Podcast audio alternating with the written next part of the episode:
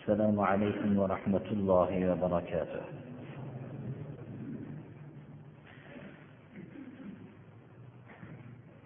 أعوذ بالله من الشيطان الرجيم. وإذ أخذ ربك من بني آدم من ظهورهم ذريتهم وأشهدهم على أنفسهم ألست بربكم؟ قالوا بلى شهدنا أن تقول قالوا بلى.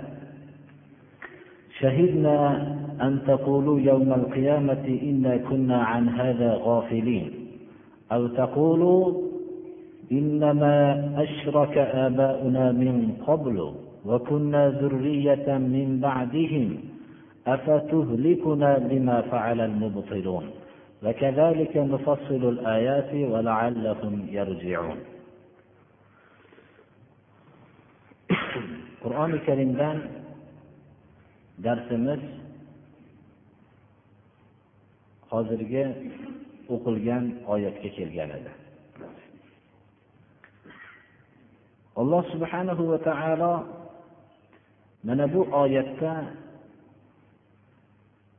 insondagi fitrat va aqida masalasini bayon qilyapti. Aqida masalasining tarixi qadim ekanligini bayon qilyapti. Alloh subhanahu va taolo olam tabiatiga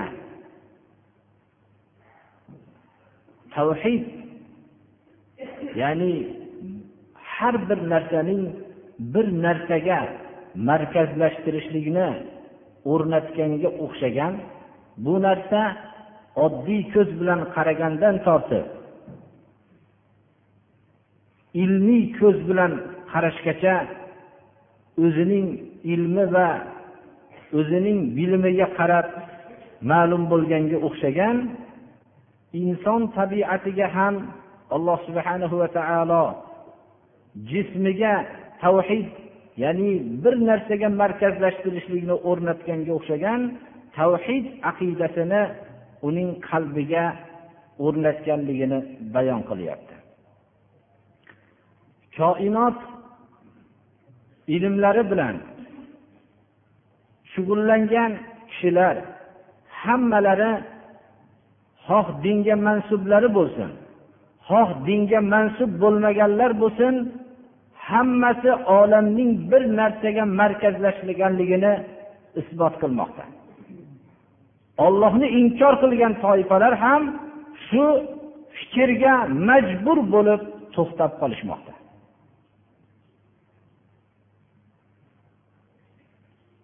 Alloh subhanahu va taolo hamma narsani juft qilib yaratdi. Bu juftlik bizni ko'zimizga ko'rinib turgan olamda bo'lganga o'xshagan juftlik deganda faqat er va ayol juftinigina fikrlab qolinmasin tamomiy olamdagi narsa juft ekanligi. Dehqonlar ham har bir narsaning juft ekanligini dehqonchilikka taalluqli bo'lgan narsalardan bilishadi. Hattoki kahrabo ilmini bilganlar bular ham bizni ko'zimizga ko'rinmagan olamning kahraboning manfiy va musbat qismi borligini ular hozirdan emas avvaldan bilishadi. Har bir narsa juft ekanligi har bir narsadagi qonuniyatning bir markazga bog'lanayotganligidan olamdagi holatlar hammasi darak beradi. Inson tabiati ham ba'zilar hatto bu insonni katta olam e, insonga joylashgan mo'jizotlar koinotdagi joylashgan mo'jizotlardan darajada bu ko'proq deb taxmin qilishadi. Bu insondagi ajoyibotlar hammasi bir yaratuvchi bir markazga bog'lanayotganligidan darak beradi. Mo'minlar buni o'zlarining qur'onlari va hadis muboraklarida bayon qilingan haqiqatlardan birinchi bilishsalar keyin o'zlarining aqllari bilan buni quvvatlovchi bilimlar bilan aniq bilishadilar. Alloh subhanahu va taolo inson tabiatiga o'zining yakka ekanligini isbotlovchi tabiat bilan tabiatlaganligini hali inson o'zining ko'ringan olamga chiqishligidan ilgari qadimda shu narsani o'rnatganligidan mana bu oyatda bizga xabar beradi. Yodingizga oling ey muhammad alayhissalom robbingizni odam avlodidan min zuhurihim ularning pushtlaridan orqalaridan zurriyotlarini olganligini va ularning o'zlariga o'zlarini shohid qildi. Alloh subhanahu va taolo inson odam avlodining zurriyotidan u orqasidan pushtlaridan zurriyotlarini oldi va o'zlariga guvoh qildi va xitob qildiki sizlarni robbinglar emasmanmi dedi. Bala albatta robbimizsan deyishdi. Shahidna bunga guvohmiz deyishdi. Alloh subhanahu va taolo mana bu zurriyotlarni hali olamga kelishlikdan ilgari o'zlarini guvoh qilishligi qiyomat kuni aytmanglarki biz bu tavhiddan g'ofil beparvo bo'libmiz deb demasliginglar uchun alloh subhana va taolo sizlarni hali olamga kelishinglardan ilgari o'zinglarni o'zinglarga guvoh qildi. Yoyinki bizlarning ajdodlarimiz bizdan ilgari mushrik o'tgan ekan biz shu mushrikdan boshqa narsani ko'rmabmiz shuning uchun biz mushrik bo'libmiz deb hujjat qilmasliginglar uchun alloh subhana va taolo qalbinglarga har qancha shirk amallarini giriftor bo'lsanglar ham tavhid aqidasini o'rnatib qo'ydi. Va biz u mushrik ajdodlardan keyin zurriyot bo'lgan ekanmiz. U ajdodlar qilgan mubtil botil ishlar bilan o'tgan ajdodlar sababli bizlarni halok qilasanmi deb hujjat qilmasliginglar uchun alloh subhana va taolo sizlarni o'zinglarga guvoh qildi. bu oyatning tafsirida abdulloh ibn abbosdan ibn jarir tobariy o'zlarining tafsirlarida va boshqalar shuni keltirishadilarki abdulloh ibn abbosdan rivoyat qilingan xabarda masaha robbuka zahra adam فخرجت كل نسمة هو خالقها إلى يوم القيامة فأخذ مواثيقهم وأشهدهم على أنفسهم ألست بربكم قالوا بلى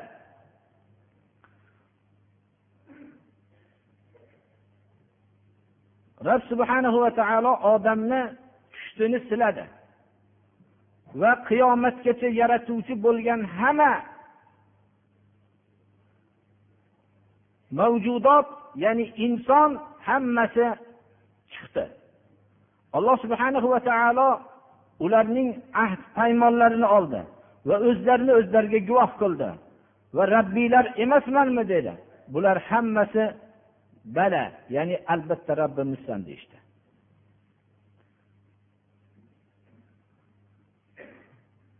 Bu abdulloh ibn abbosdan rivoyat qilingan so'z asosida qur'oni karimning mana bu oyati. Ilm hali hech bir narsani kashf qilmasdan turib o'n to'rt asr ilgari o'n to'rt asrdan keyin inson vujudga kelishligi fani sohasida mutaxassislarning bayon qilgan fikrlarini ular hozirda ba'zilarini bayon qilyapti qur'oni karim bayon qilgan fikrlarni. U ham bir qat'iy bir dalillarga hali asoslanmagan bo'lsa ham ba'zi bir bayon qilingan qur'oni karimdagi narsalarni o'zlari kashf qilishmoqda. Alloh subhanahu va taolo insonning pushtidan chiqargan suvni tarkibida irsiyat donachalarining o'zi uch milliard donachalarning o'z ichiga olganligini hozirgi odamni vujudga kelishligi ona qornida vujudga kelishligini fani bilan mutaxassis bo'lgan kishilar shuni bayon qilishyapti. Ya'ni irsiyat donachalari inson suvining tarkibida uch milliard donani tashkil qiladi va har biri har bir hujayra alloh subhana va taolo tarafidan bo'lgan buyruqni kutib turadi. Shu suvning tarkibida bittasini alloh subhana va taolo tanlaydi. Shu uch milliard dona uch milliard inson bo'lib turishligini hozir kashf qilishyapti. Har bir dona hujayra alloh subhana va taolodan izinni kutib turadi. U sodda shaklda tashkil topmaydi. Har bir hujayra ollohni buyrug'ini kutib turgan qaysi bir hujayrani olloh tanlasa shu inson vujudga bo'ladi. Qolgani qolib yo'qolib ketadi. Shu vujudga kelayotgan hujayra birinchi bo'linishda bosh suvagi qo'l oyoq va boshqa a'zolar bo'lishligini buyrug'i bo'lishligi bilan vujudga kelishlikka harakat qiladi. Bosh vujudga kelgandan keyin ko'zi ko'z bo'ladigan hujayra taqsimot ko'z quloq og'iz burun bo'ladigan qo'llardagi har bir a'zolar bo'ladigan hujayralarga bo'linadi. Mana bu hujayralar ollohdan buyruqni kutib turadi qaysi soatda bo'lish va qanday shaklda bo'lishlik buyrug'ini qabul qilib bajaradi. Bular sodda shaklda vujudga kelmaydi takror aytamiz. Bular qayerda ko'z bo'lishligini yaxshi biladi. Qayerda quloq bo'lishligini yaxshi biladi. O'ng qo'l o'ng quloq bo'ladigan hujayra chap quloq bo'lib qolmaydi. U bosh qismda quloq bo'lishlik kerakligini yaxshi biladi. Qorinda bo'lishlik bo'lib qolmaydi. Peshonada bo'lib qolmaydi u hujayra. Agar bu ko'zimizga ko'rinmagan bir hujayraning tarkibidagi kichkina bir hujayra bajarayotgan ishni yer kurrasidagi hamma olimni hamma jihozlarini jamlab turib bajarishlikka taklif qilsa bajarolmaydigan murakkab ishni bajaradi. Alloh subhanahu va taolo inson pushtidan silashligi bilan zurriyotlarni hammasini o'zining qabzasiga qodir qabzasiga oldida sizlarning rabbiylar emasmi dedi. Rabbiylar emasmanmi dedi. Ular unday murakkab hujayralarni murakkab amallarni bajaruvchi ollohning izni bilan bajaruvchi bu kelajakda inson bo'ladigan bu zurriyot albatta rabbimizsan deb tan oldi. Bundan o'n to'rt asr ilgari buning ba'zi bir tafsilotlarini insonlarga aytilganda buni bu odamni jinnilik bilan tuhmatlangan bo'lardi. Bu hujayralar qanday xitobni eshitadi qanday bu xitobga javob beradi degan savolni moddiy falsafa bilan band bo'lgan o'zining moddiy to'siqni ichida yashashga odatlangan kishilar gumon qilishligi mumkin. Mo'minlar bu narsa haqida gumon qilishmaydi. U hujayralar qanday olloh tarafidan buyruqni qabul qilishlikni bilishligi haqida inson shak shubha qilmaydi. U xitob qanday bo'ldi? Bu xitobni qanday qabul qildi? Bu xitobga qanday javob berdi? Bu narsa hol tili bilan bo'ldimi? Yoinki zohiriy til bilan bo'ldimi o'ziga xos bir sifat bilan? Alloh subhana va taolo o'zi biladi. Biz bilmaymizki mana bu hujayralarning qanday bo'lib bunday murakkab ishlarni bajarayotganligini hech qaysi odam aytib berolmaydiyu. Undan tashqari ibn kasir o'zlarining tafsirlarida aytadilarki إن المراد بهذا الإشهاد هو إنما هو فطرهم على التوحيد. إنما هو فطرهم على التوحيد. كما تقدم في حديث أبي هريرة وعياذ بن حمار المجاشعي ومن رواية الحسن البصري عن الأسود بن السريع وقد فسر الحسن الآية بذلك. قالوا ولهذا قال وإذ أخذ ربك من بني آدم ولم يقل من آدم من ظهورهم ولم يقل من ظهرهم ذرياتهم أي جعل نسلهم جيلا بعد جيل وقرنا بعد قرن كقوله تعالى وهو الذي جعلكم خلائف الأرض xullas ibn kathir o'zlarining tafsirlarida keltirgan iboralarning xulosasi shundan iboratki alloh subhanahu va taolo birinchi odam avlodidan zurriyotlarni olib ularning rabbiylar emasmanmi deb guvoh qilishligidan murod ularning tavhid tabiati bilan yaratganligidir. Abu hurayra roziyallohu anhuni rivoyat qilgan hadislarida keltirilgandeki abu hurayra roziyallohu anhu rivoyat qiladilarki rasululloh sollallohu alayhi vasallam aytdilarki har bir farzand fitrat ya'ni tavhid tabiati bilan tug'iladi.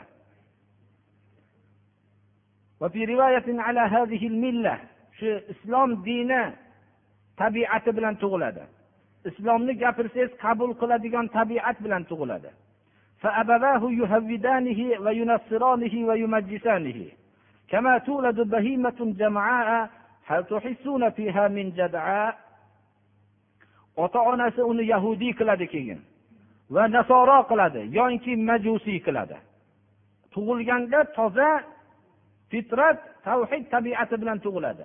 Ota onasi uni yahudiy yo nasoro yo majusiy yo'liga olib boradi. Xuddi hayvon tug'ilgandagi o'xshaganki hayvon tug'ilganda hech ko'rganmisizlar uni quloq burni kesilganligini yoinki qulog'iga bir tuyma qadalganligini yoinki oyog'ini sindirilganligini yoinki biror bir a'zosiga belgi qilinganligini ko'rganmisizlar? Uni egasi tug'ilgandan keyin bu nuqsonlarni keyin qiladi. Inson ham to'la tavhid tabiati bilan tug'iladi. Mana bu narsaga ishoradir.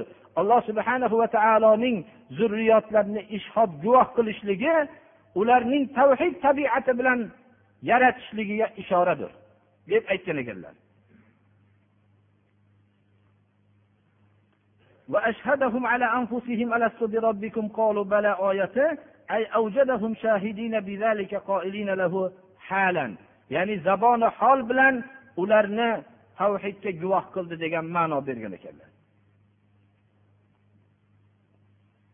chunki shohid kalimasi qur'oni karimda ko'p joyda o'zini holi bilan guvohlik berishlikka iste'mol qilingan shuning uchun biz bu haqdagi ko'p ba'zi bir turkiy kitoblarda har xil fikrlar bu haqda ko'p odamlarda bo'lishligi uchun bir tafsil bilan aytishlikka biz majbur bo'ldikki biz shu narsani bilaylikki bu haqda ulamolar tafsirlarda ikki ma'noni berishgan mana bu ikki ma'noga biz ishora qilib o'tdik.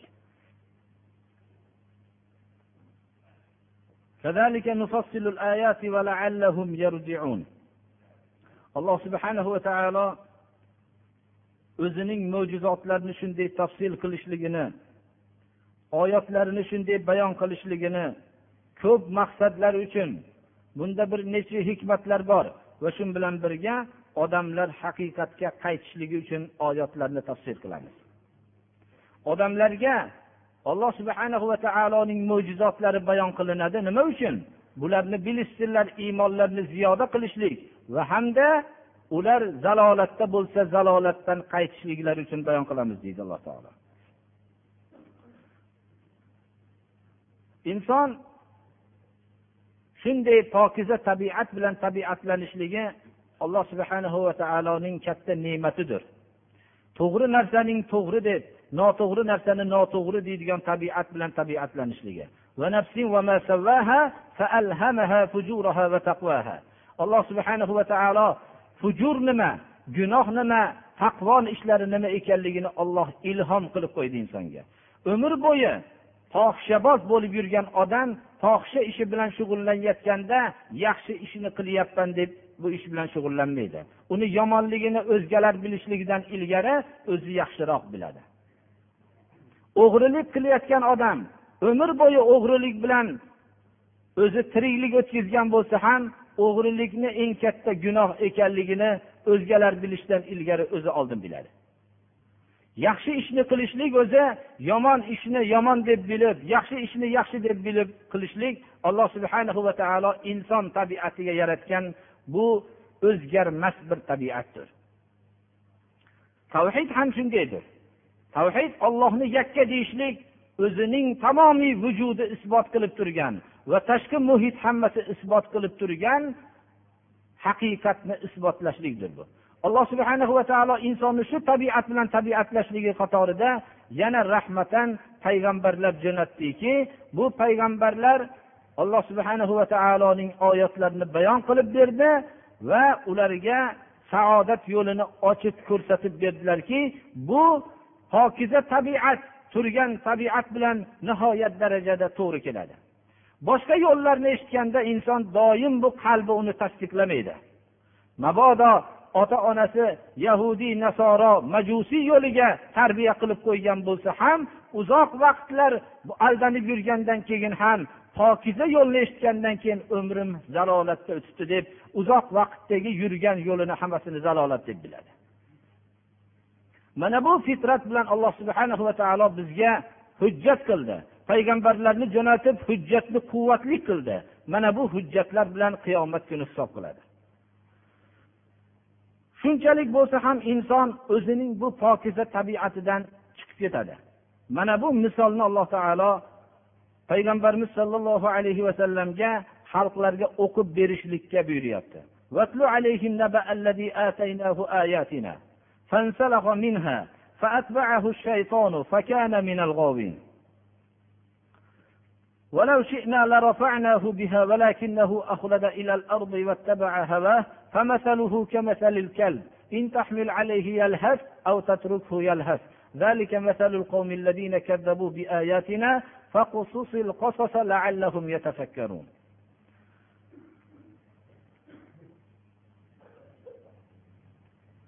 Bu oyatni tafsirida maxsus bir qissaga ishora deb keltirilgan ko'p tafsirlar borki bular biror bir sahih hadis bilan isbotlangan emas.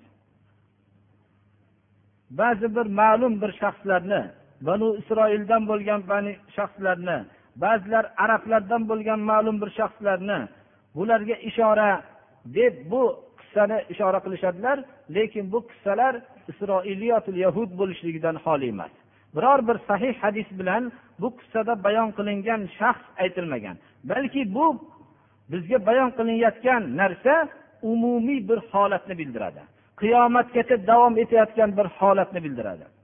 Alloh subhana va taolo ba'zi bir kishilarga o'zining ne'mati oyati ya'ni shariat ilmlarini beradi.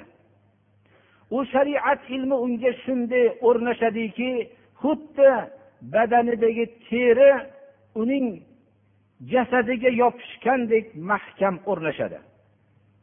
Lekin shunchalik ilm unga nasib bo'lib turishligi bilan bu ilmdan o'zi ajralib chiqadi xuddi hayvonni so'yilgan vaqtida terisini ajratgandek ilm ajralib chiqadi. Ya'ni bunga amal qilishlik mutlaq topilmaydi buning sababi shu ajralishligi bilan shayton o'ziga uni tobe qilib oladi. Va adashgan odamlar jumlasidan bo'ladi. Alloh subhanahu va taolo shunchalik oyatlarini ilmini bergandan keyin shu oyatlarga ergashmasdan shaytonning vasvasasi chaqiruviga javob aytib shunga ergashib ketganligiga alloh subhanahu va taolo uni bu oyatlar bilan darajotini dunyo oxiratda ko'tarmaydi. Agar xohlaganimizda deydi alloh subhana va taolo uni shu oyatlarimiz bilan ilmlar bilan uni ko'targan bo'lardik. Lekin u bu oyatlar bilan bizni ko'tarishligimizni xohlamasda yerga o'zini shunday mahkam yopishtirib shu yerda o'zini abadiy hayot shu yer deb tushundi. Bu oyatlar bilan faqat o'zining dunyoviy manfaatlarini foydalandi. O'zini dunyoni qo'lga keltirishlikka dunyodagi faqat martabani o'zini qo'lga keltirishlikka oxiratni esdan chiqarib yerga shunday yopishib kirib oldi. Va o'zining xohishiga ergashdi. Bu oyatlarga ergashmadi. Qaysi bir inson adashgan bo'lsa tekshirib ko'rilsa havoyi nafsiga ergashishligidan adashadi birodarlar. Alloh subhana va taolo shunday oyatlarni bersa bu oyatga ergashmasdan havosiga ergashib shaytonni o'ziga matbu qilib ergashib ketgan odamni o'zi uning o'zini iroda qilgan oliy martabaga ko'tarmaydi. Uni misoli ollohning oyatlaridan ajralgandan keyin beqarorlikdan boshqa narsa bo'lmaydi uni hayoti. Bir odamni xursand qilsa yana bir odamni xafa qilib qo'yadi. U odamni xursand qilaman desa boshqalarni xafa qilib qo'yadi. Doim uning hayoti beqaror bo'lib xuddi labini osiltirib hakkillab yurgan itga o'xshab qoladi. Deyapti alloh taolo. Uning misoli olloh ilm bergan shariat ilmlarini bergan oyatlarini bergan. Bergandan keyin shaytonga ergashib u haqiqatlardan voz kechib birovlarni ko'nglini olishligi uchun ollohni g'azablantirib yurgan odamning misoli itga o'xshaydi. Itki biror bir idishga tili tegsa yetti marta yuvib sakkizinchisini tuproq bilan toza yuvganda toza bo'ladigan itga o'xshaydi. Itki qaysi bir odam bu itni boqqan bo'lsa biror bir sababsiz boqqan bo'lsa amallari habata bo'ladi degan itga o'xshaydi deydi alloh taolo. Kim itni o'ziga baqqan bo'lsa amali habata bo'ladi. Ovchilar qo'ychivonlar va maxsus ba'zi bir ishlarga iste'mol qilinadi xolos birodarlar. Hozirgi vaqtda itga o'xshaydi desa yaxshi narsaga o'xshaydi ekan deb tushunib qolishlari ham mumkin birodarlar. Farzandidan ko'ra itni yaxshiroq qarayotgan toifalar bor. E bunday bo'lsa juda ulug' narsaga o'xshar ekan deb tushunib qolishlari ham mumkin. Alloh subhana va taolo uning misoli itga o'xshaydi. Takror aytamiz itki biror bir idishga og'zi tegib qolgan bo'lsa har qanday narsa tegsa uch marta yuvsa pokiza bo'ladi. Ammo ba'zi hadislarning zohir rivoyatida it tekkan narsani yetti marta yuvib sakkizinchisini tuproq bilan yumoqlik kerak. Amali habata bo'lishligi ham yemoq ovqatlarining haromga aylanib ketishligi mumkin. Va hamda boshqalarning uyiga kirib ham tahorat qiladigan idishlariga tegishlik natijasida ko'p zararlar vujudga kelishi mumkin. Ha aksar it boqayotgan odamlarning habata bo'ladigan amali ham yo'q shuning uchun ular it boqsa kerak. Amal bo'lsa habata bo'ladida deyishlari mumkin.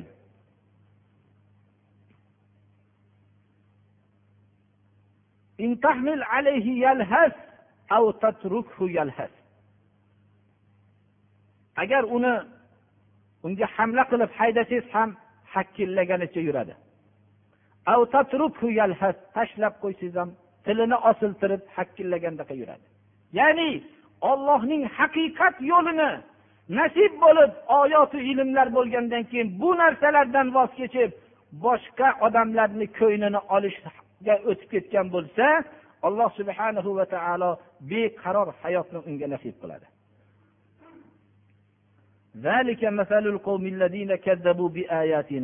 Bu bir kishi deb o'ylab qolinmasligi uchun bo'lsa kerak allohu alam. Mana bu oyatda bizlarning oyatlarimizda yolg'on degan toifalarning misoli shunga o'xshaydi. Odamlarga bu qissalarni aytib bering ey muhammad alayhissalom. Shoyat ular ham ollohning oyatlarida tafakkur qilishar. Tafakkur insonni haqiqat yo'liga yurishligiga sabab bo'ladi.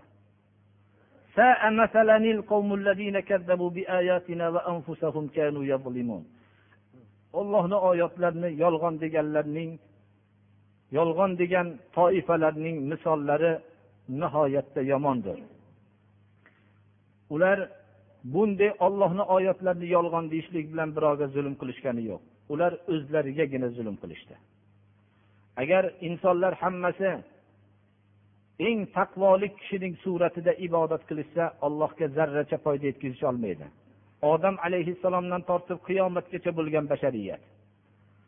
Odam alayhissalomdan tortib to qiyomatgacha bo'lgan bashariyat eng fosiq kishining suratida allohga osiy bo'lib yashasa allohga zarracha zarar yetkazolmaydi faqat kishilar yaxshi amal qilishsalar o'zlarining foydasiga yomon amal qilgan bo'lsa o'zlariga zulm qilishadi.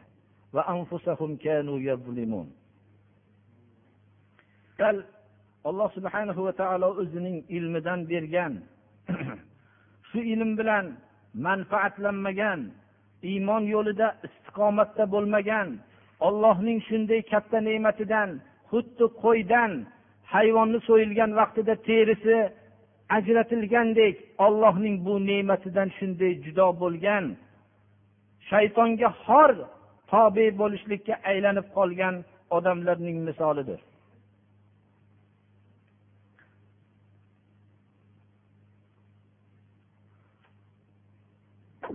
O'zi bergan ilm bilan manfaatlanishlikni alloh nasib qilsin. Alloh subhanahu va taolo manfaat bermaydigan ilmdan panoh bersin.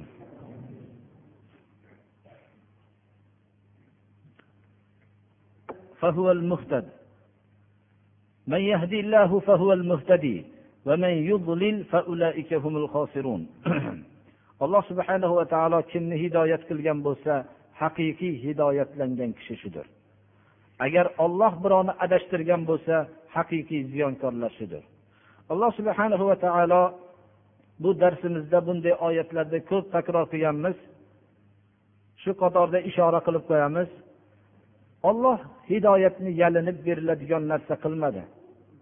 Xohlasangiz ham xohlamasangiz ham hidoyat qilish hidoyat sizga nasib bo'ladigan narsa qilmadi. Hidoyatni bizni yo'limizda mujohada qilib o'zi hayotda hidoyat yo'lida mahkam ishlayman deb kurashgan odamlarni o'zimizni yo'llarimizga yo'llab qo'yamiz deyapti alloh taolo.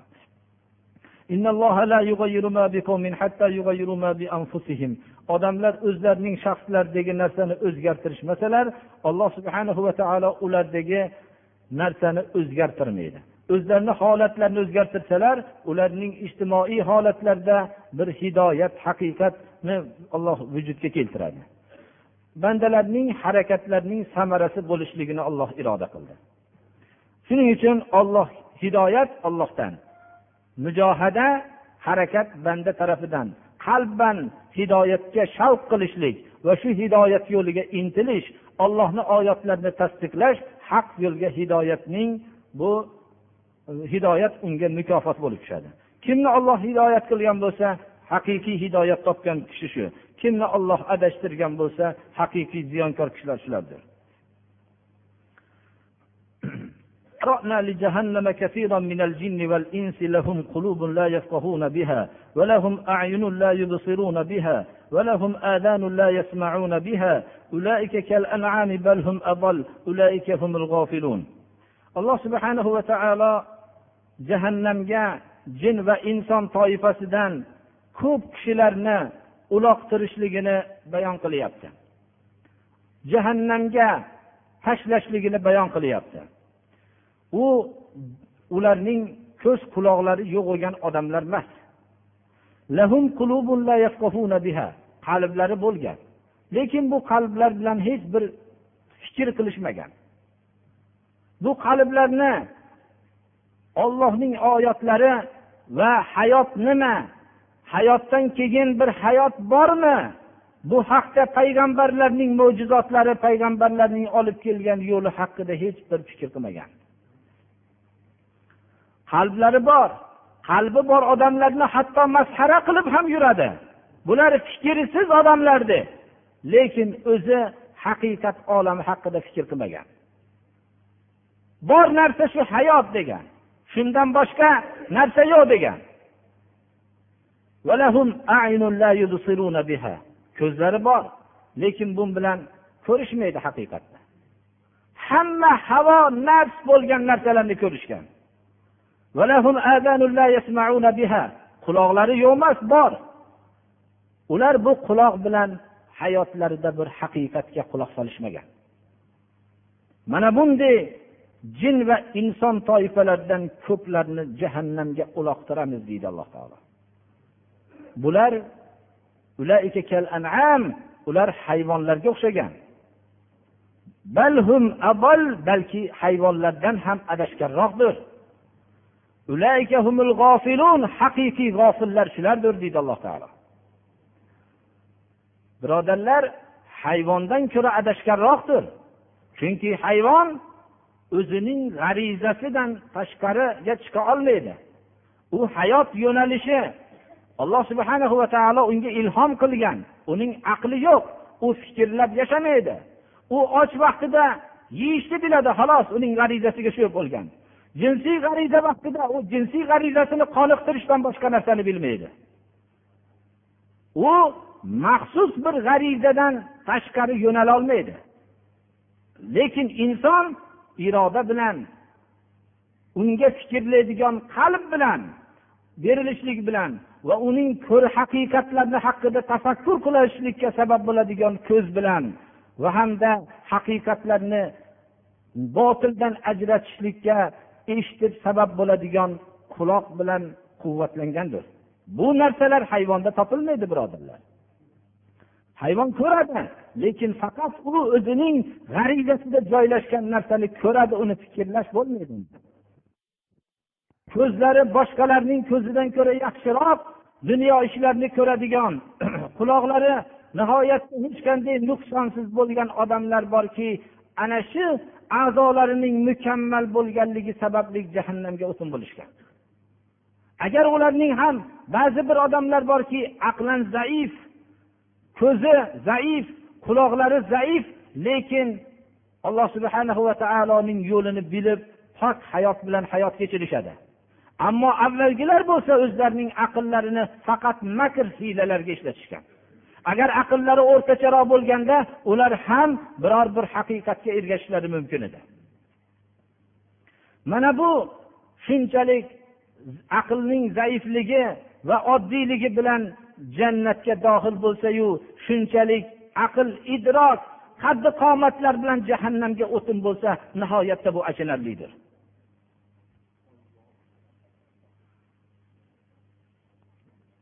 Hozirda ularga hayvonda hayvonga o'xshagan balki hayvondan ham battarroq bo'lar desa g'azablanishadi.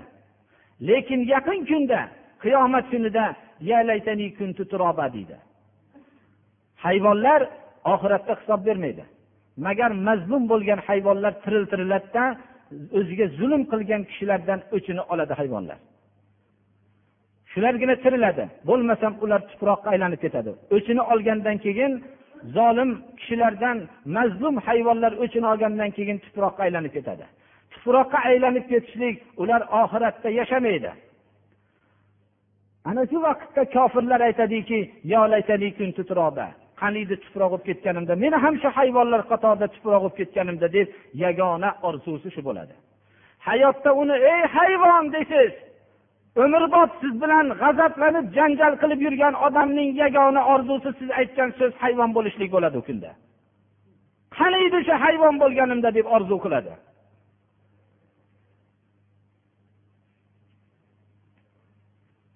Subhanahu va taolo ko'zimiz qalbimiz quloqlarimiz bilan foydalanishlikni alloh taolo nasib qilsin. Shu yerda bir nuqtani ham aytib o'tmoqligimiz kerak. Qayerda zikr qilingan bo'lsa ko'p o'rinlarda keladi. Ya'ni bu eshitish ko'rish va fikrlash a'zolari qiyomat kuni so'ralajakdir bu. Bu ko'zlar hammasi so'ralanadi birodarlar. Hamma oyatlarda bayon qilinganki alloh subhanahu va taolo bu insonlarning bu berilgan xususan bu ne'matlarni alohida zikr qilinyaptiki qiyomat kuni so'raladi. Shuning uchun rasululloh sollallohu alayhi vasallam duolarida deb ko'p duo qilardilarki ko'zlarimiz bilan quloqlarimiz bilan qalblarimiz bilan foydalantirgin deb ko'p duo qilardilar. Alloh subhanahu va taolo hammamizni ham ko'zlarimiz quloqlarimiz hamma a'zolarimiz bilan foydalanishlikni alloh nasib qilsin. Namoz xususida ba'zi ulamolar namozxonlar besh qism bo'ladi degan ekanlar. Birinchi namozxon muoqab azoblanadigan namozxon. Bu kim? Tahoratlarni nuqsonlik qiladi. Butun buyurilgan rukunlarni ado etmaydi. Hamma namozlarini nuqson bilan o'taydi. Bu odam azoblanadi.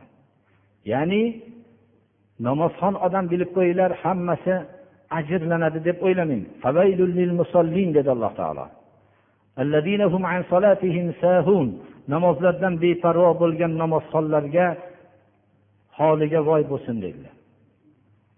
Namoz o'qimaganlarning jahannamni o'tini bo'lishligi unda shak shubha qolmaydi birodarlar. Endi namozxon bo'lib turib namozni rukunlarini ado qilmaganlarning holiga voy deyilyapti barpo qilmaslikning bittasi shu.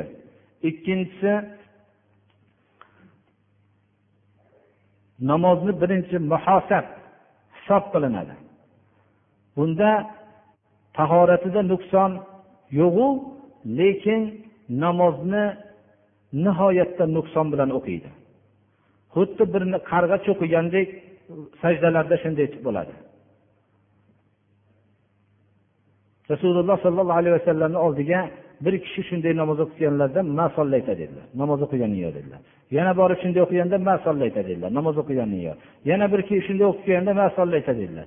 Agar shunday o'lganingda shu yo'lda o'lib ketganingda shunday namoz o'qib muhammad alayhissalomni dinidan boshqa yo'lda o'lgan bo'larding dedilar.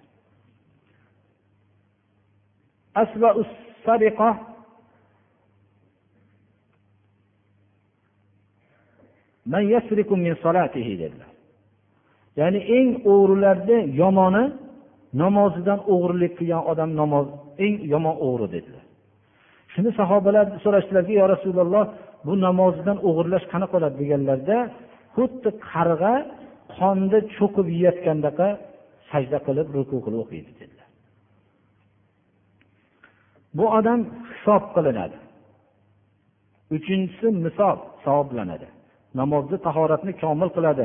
Namozni zohiriy holatlarni hammasini chiroyli qiladi. Va shu biror bir namoz buyurilgan holatlarni bittasini ham buzmaydi. Bu savoblanadi.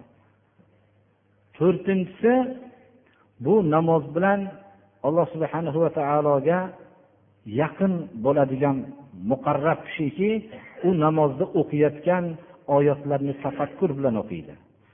Shu tafakkur bilan o'zi bilan namozi o'rtasida bir boshqa hayotga kirib ketganday yashaydi. Har bir kalimalarni tafakkur qiladi. Har bir kalimani ollohning nidolarini eshitadi degan rob robbano valakal hamd aytayotgan vaqtlarda alloh taolo ollohga hamd aytganda eshitadi deb shu hammasini berilib turib o'qiydi. Mana bu namoz o'qiyotgan kishi bu namozi bilan allohga qurbat yaqinlik hosil qiladi. Bundan keyingi odam namozdan qurratu ayn lazzat xursandlik paydo qiladi. Bu odam quloq qoqishlik bilan o'zining alloh robbil alaminni huzurida turgandek his qiladi. O'zi bilan olloh robbil alaminni o'rtasida parda ko'tariladi bu namoz bilan lazzatlanadi. Shu namozdan nihoyatda xursandlik bilan chiqadi. Rasululloh sollallohu alayhi vasallam aytganlaridek mening xursandligim namozda bo'ladi dedilar.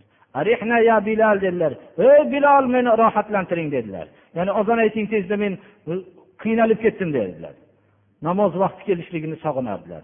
Mana bu kishi bilan birinchi va ikkinchi namozxonning o'rtasida mashriq bilan mag'ribcha farqi bordir. Namozni barpo qilishlik keyingi uch kishining ulushidir birodarlar. Avvalgi kishi olloh saqlasin olloh namozini o'nglasin. Birodarlar. Namozni barpo qilishlik uchun mana shu tafsil kifoya qilgan bo'lsa kerak. Hayvon quduqqa yo biror joyga tushib ketib qolgan bo'lsa shuni orqadan yetib kelayotgan odam u hayvonni tortishiga aqli yetmasa tortguncha o'lib qolishligi mumkin bo'lsa shu biror joydan qon chiqarib qo'ysa shu kifoya qiladi halol bo'ladi shu bilan yerda bir ko'p savollar nima bo'libdi? Hoyir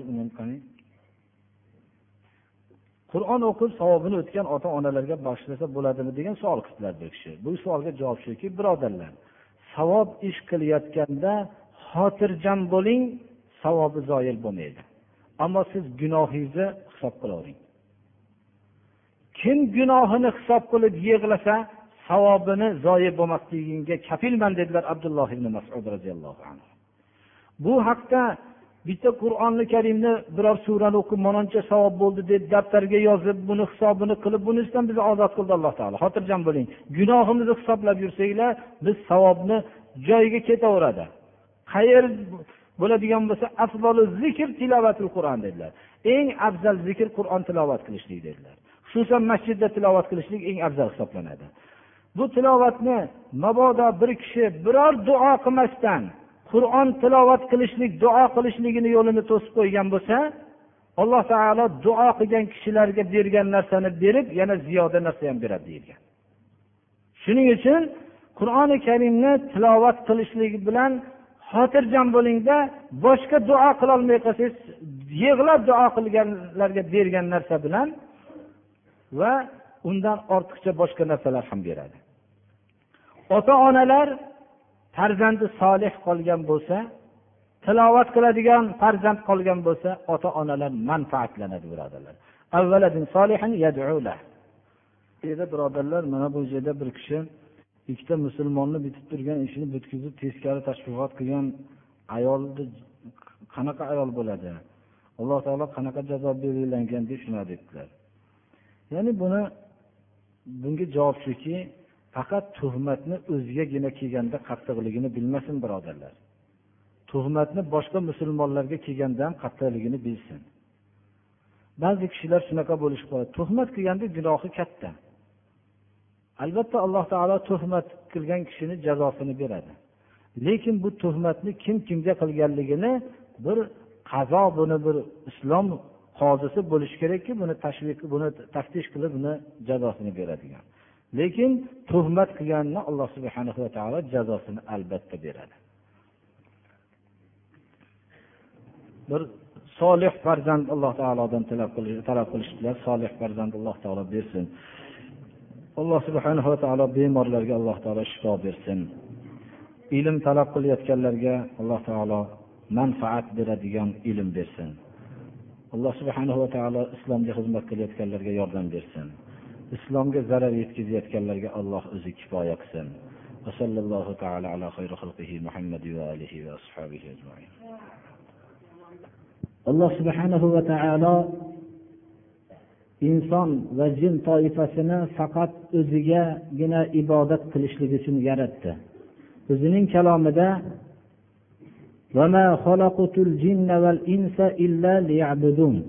inson va jin toifasini faqat o'zimgagina ibodat qilishlik uchun yaratdim deydi. Ibodat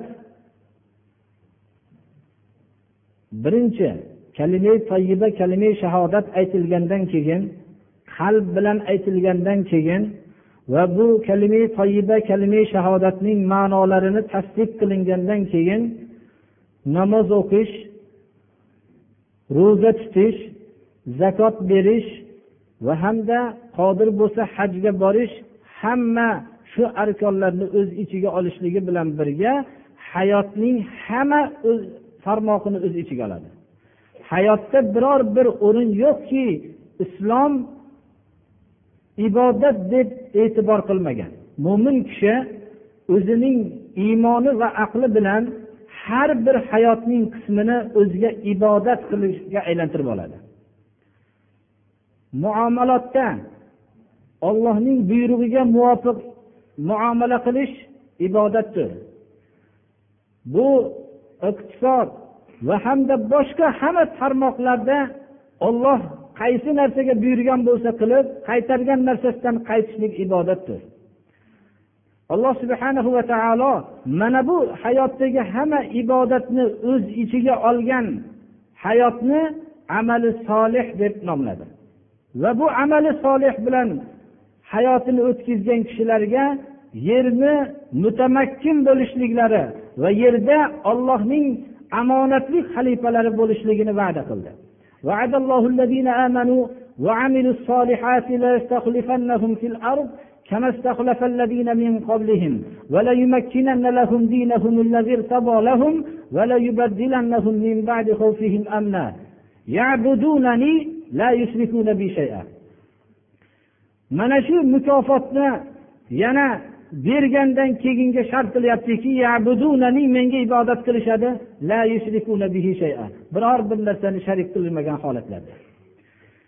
Islom ummatining qoloq bo'lib qolishligi islom ummatining hamma o'zining dinini mohiyatini tushunmasdan qolishligining yagona siri o'zining yaratilishligidan bo'lgan maqsad ibodat ma'nosini faqat o'zi bilan rabbi o'rtasidagi ibodatlarni o'ziga cheklab qo'yishlikdan vujudga kelgan. Odamlar o'rtasidagi muomalotda robbil alaminga ibodat qilmaydi. Unda xohlagan odamlar tuzib bergan narsaga ibodat qiladi. O'zining turmush qilganda nikoh bilan turmush qilgandagi turmush hayotida ollohning buyrug'iga muvofiq turmush qoidalaridagi hududlarni rioya qilishlik olloh buyurgan amallarni qilish va qaytargan narsalardan turmush hayotida qaytishlik bu ibodatdir. Xullas olloh yuborgan qur'on va hadis bilan hukm qilishlik bu ibodatning eng asosiysidir birodarlar. Ibodatni o'zi bilan rabbi o'rtasidagi mehrobdagi cheklangan narsaga cheklab qo'yishlik islom ummatining yagona dunyoqarashining o'zgarishi va shu bilan qaloq bo'lishligining yagona omilidir. Shuning uchun inson va jin toifasini faqat o'zimgagina ibodat qilishlik uchun yaratdim degan vaqtda ibodat hayotning hamma sohasidagi amallarning allohga ollohni buyrug'iga muvofiq qilishni tushunmoqligimiz kerak. Shuayb alayhissalomni alloh taolo madyan qabilasiga jo'natdi. وإلى مدين أخاهم شعيبا. قال يا قوم اعبدوا الله ما لكم من إله غيره ولا تنقصوا المكيال والميزان. إني أراكم بخير وإني أخاف عليكم عذاب يوم محيط. ويا قوم أوفوا المكيال والميزان بالقسط ولا تبخسوا الناس أشياءهم ولا تعثوا في الأرض مفسدين. بقية الله خير لكم إن كنتم مؤمنين. وما أنا عليكم بحفيظ. Shuayb alayhissalomni alloh taolo madyan qabilasiga jo'natdi. U shuayb alayhissalom xalqlarga aytdilarki ey qavmim yagona ollohga ibodat qilinglar dedi. Ular ollohga ibodat qilishardi mehroblarida ular iqtisodiy muomalalarida allohga ibodat qilmasdan o'zlarining jinsidan bo'lgan bir to'qib tuzilgan yo'lga ergashishardi. Va ular o'lchovlarni tarozilarda kam berishardi. Shularga xitob qilib ollohga ibodat qilinglar boshqaga ibodat qilmanglar dedi. Shoyb alayhissalom. Demak iqtisodiy muomalasida ollohning tuzib bergan qonuniga ibodat bo'ysunmayotgan odam ibodatni boshqaga qilayotgan kishidir. Mana bu bizning inson va jin toifasini faqat o'zimgagina ibodat qilishlik uchun yaratdim deyapti alloh subhanahu taolo. Biz dunyoqarashimizning mana shu bobini mukammal tushunishlikka muhtojmiz birodarlar. Alloh subhanahu va taoloning mana bu biz payg'ambarlarga yuborgan hukmlarni agar qur'oni karimdan tilovat qilar ekanmiz o'rganar ekanmiz ibodat hayot tarmog'ining hammasini o'z ichiga oladi. Bu haqda biz boshqa darslarimizda xutbalarda mufassalroq bir qismni aytganmiz. Alloh subhanahu va taolo hammamizni ollohni o'zigagina ibodat qilishlikka alloh nasib qilsin. Toifasini faqat o'zigagina ibodat qilishlik uchun yaratar ekan. Demak mo'min kishi o'zining hayotida har bir ishni qilishlikdan ilgari u ixtiyorlik emas. Agar iymonni davo qilsa magar shunday deb e'tiqod qilmoqligi kerakki bu ishga olloh buyurgan bo'lsa qilaman qaytargan bo'lsa qaytaman bu narsadan deb oldin o'ziga shu tasavvurni jazm qilmoqligi kerak.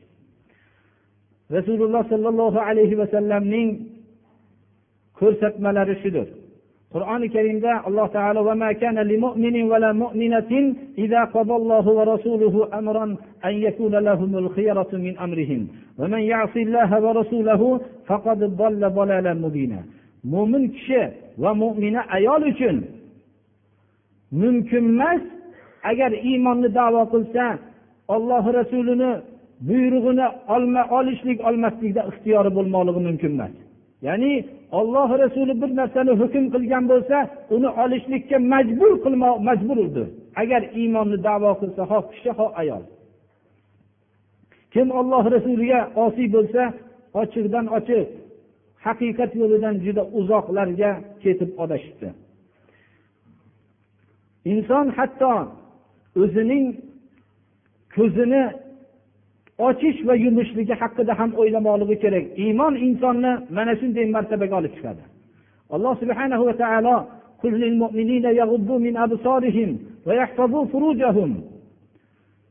mo'minlarga ayting ko'zlarini yumishsinlar nomahram ayollarga qarashlikdan ko'zlarini yumishsinlar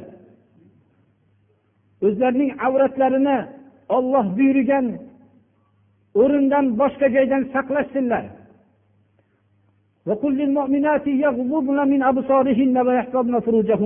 Mo'mina ayollarga ayting ko'zlarini nomahram erlarga qarashlikdan yumishsin va o'zlarining avratlarini saqlasin deb alloh subhana va taolo buyuryapti. Ya'ni mo'min kishilarni fohisha qilmang deb buyurilayotgani yo'q. Fohisha qilmaslik albatta mo'min kishining sifatidir. Avratlarini ehtiyot qilishsin deyishdilar. demak gunoh yo'llarga qarashlikdan alloh subhana va taolo man qildi rasululloh sollallohu alayhi vasallamdan rivoyat qilingan hadis sharifda كتب على ابن آدم نصيبه من الزنا مدرك ذلك لا محالة فالعينان زناهما النظر والأذنان زناهما الاستمتاع استماع واللسان زناه الكلام واليد زناها البطش والرجل زناها الخطى والقلب يهوي ويتمنى ويصدق ذلك الفرج ويكذبه متفق عليه imom buxoriy imom muslim rivoyat qilgan hadis sharifda odam farzandiga zinodan bo'lgan ulushi kitobat qilingan ya'ni uni albatta inson hayotda shuni topmasdan iloji yo'q ikkita ko'zning zinosi qarash birinchi qaraganligiga to'satdan qaralganiga inson javob bermaydi. Ammo ikkinchisiga inson javob beradi. Bu ko'zning zinodan bo'lgan ulushidir. Quloq buning zinosi fahsh hayosiz so'zlarni eshitishlikdir. Til uning zinosi fahsh zino kalimalarini gapirishlikdir. Qo'lning zinosi nomahram o'zining nikohida bo'lmagan ayolni ushlashlikdir oyoq buning zinosi harom yo'lga tarafiga qarab yurishlikdir. Qalb xohlaydi orzu qiladi gunoh ishlarni. Buni avrat tasdiqlaydi yo yolg'onchi qiladi alloh subhana va taolo mana bu avrat bu qalbdek narsani tasdiqlab bu gunohga yurib qo'yadi yoyinki bundan o'zini tiyib saqlab qoladi. rasululloh sollallohu alayhi vasallam nohaq qarashlik haqida من اطلع في بيت قوم بغير إذنهم فقد حل لهم أن يفقعوا عينه imom muslim rivoyatlari kim bir kishilarning uyiga borib ularning ruxsatsiz uyini ichiga qaragan bo'lsa ularni haqqi bor uning ko'zini nobud qilib qo'yishlikka Ya'ni ruxsatsiz uning uyiga qarashligi bilan ularga endi uy egalariga ruxsat bo'ladi shu narsaga. Bu narsa ba'zi odamlarga bu g'alati ko'rinishligi mumkin bu. Lekin bir qarashlik sababli qancha fitnalar vujudga kelgan. Bir qarashlik sababli oilalar buzilgan. Bir qarashlik sababli do'stlar do'stligidan judo bo'lib ketgan. Ibodat mana bu mo'minni iymonli mo'minni shu martabaga olib chiqadiki alloh subhana va taolo qarama degan narsadan o'zini tiyadi eshitma degan narsadan o'zini albatta eshitmasdan hayotini o'tkazadi. Birodarlar eshitish bu uning zinosi istimo fahshga sabab bo'ladigan ma'siyatlarni eshitishlikdir. Endi bunga pul sarf qilib eshitishlik bundan katta gunoh yo'qdir birodarlar. Va maloikalar ollohning payg'ambariga salovat aytadi. إن الله وملائكته يصلون على النبي يا أيها الذين آمنوا صلوا عليه وسلموا تسليما آمين اللهم تقبل منا هذه الصلاة واعف عنا مع جميع نقصاناتها بفضلك وكرمك اللهم استرنا بسترك الجميل في الدنيا والآخرة اللهم احفظنا يا خيام من جميع البلايا والأمراض اللهم استرنا بسترك الجميل في الدنيا والآخرة يا مقلب القلوب ثبت قلوبنا على دينك يا مصرف القلوب صرف قلوبنا على طاعتك اللهم اهدنا إلى ما فيه صلاحنا وخيريتنا في الدين والدنيا والآخرة وتعالى على خير خلقه محمد وآله وأصحابه أجمعين mana ikkita savollar ham tushgan edi shu savollarda zimnida ya'ni bu namozlarni barpo qilishlik ko'proq mana farzlar boshqa sekinroq o'qilsa sunnatlar misol unga nisbatan boshqa tezroq o'qiladiyu. Shularni qanday tushuncha bo'ladi degan savolga javob shuki namozlarni barpo qilishlik ko'proq mana shu farz namozlarda belgilangan bir suralar borki ulamolar tarafidan sahobalar rivoyat qilishgan avvalda shu suralarni o'qishlik bilan ham barpo bo'ladi. Masalan ertalabki namozlarga farzlarga uzun suralar o'qiladi. Payg'ambarimiz sollallohu alayhi vasallam shunday o'qiganlar ba'zi rivoyatlarda borki birodarlar biz endi u narsalarni hech qaysisini qilmayapmiz mana ko'p xulafolar ham xalifalarimiz surai nahl ya'ni yetti yarim varaq bo'lgan bomdodga ikkiga bo'lib o'qishganlar sura yuz ham yetti varaqdan ko'p.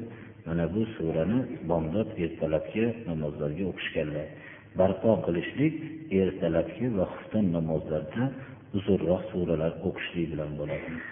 Lekin shu bilan birga ertalabki namozning sunnatiga sura kafirun bilan sura ixlosni o'qiganlar payg'ambarimiz sollallohu alayhi vasallam.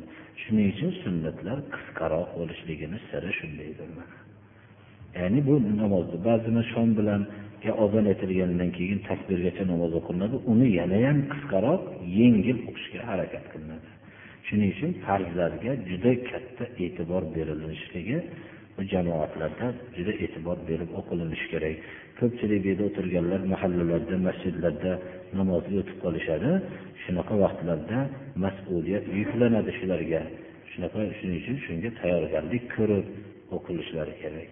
Iloji bo'lsa namozga o'tishdan ilgari misvok tutib xushbo'ylanib turib o'tish ham namozni barpo qilishlikning zohiriy holatlarini ba'zilarini birodarlar alloh robbil alaminni ro'barusiga chiqayotganligini bilib ollohning kalimotlarini aytayotganda misvok tutilgan og'iz bilan aytishlik va xushbo'ylangan holatda bo'lishlik bu nihoyatda bu hamma shu sunnat amallarini ichiga kiradi birodarlar. Namozni barpo qilishlik xullas men qanday namoz o'qiganligimni ko'rsam shunday namoz o'qinglar deganlar. Shu barpo qilishlikka ko'p e'tibor berilmog'i kerak. Alloh subhanahu va taolo hammamizni gunohlarimizga mag'firat bo'lishligiga sabab qilsin bugungi namozimizni. Ibodatlarimizni alloh qabul qilsin mehmonlarimizni qadamlariga hasanatlar bersin.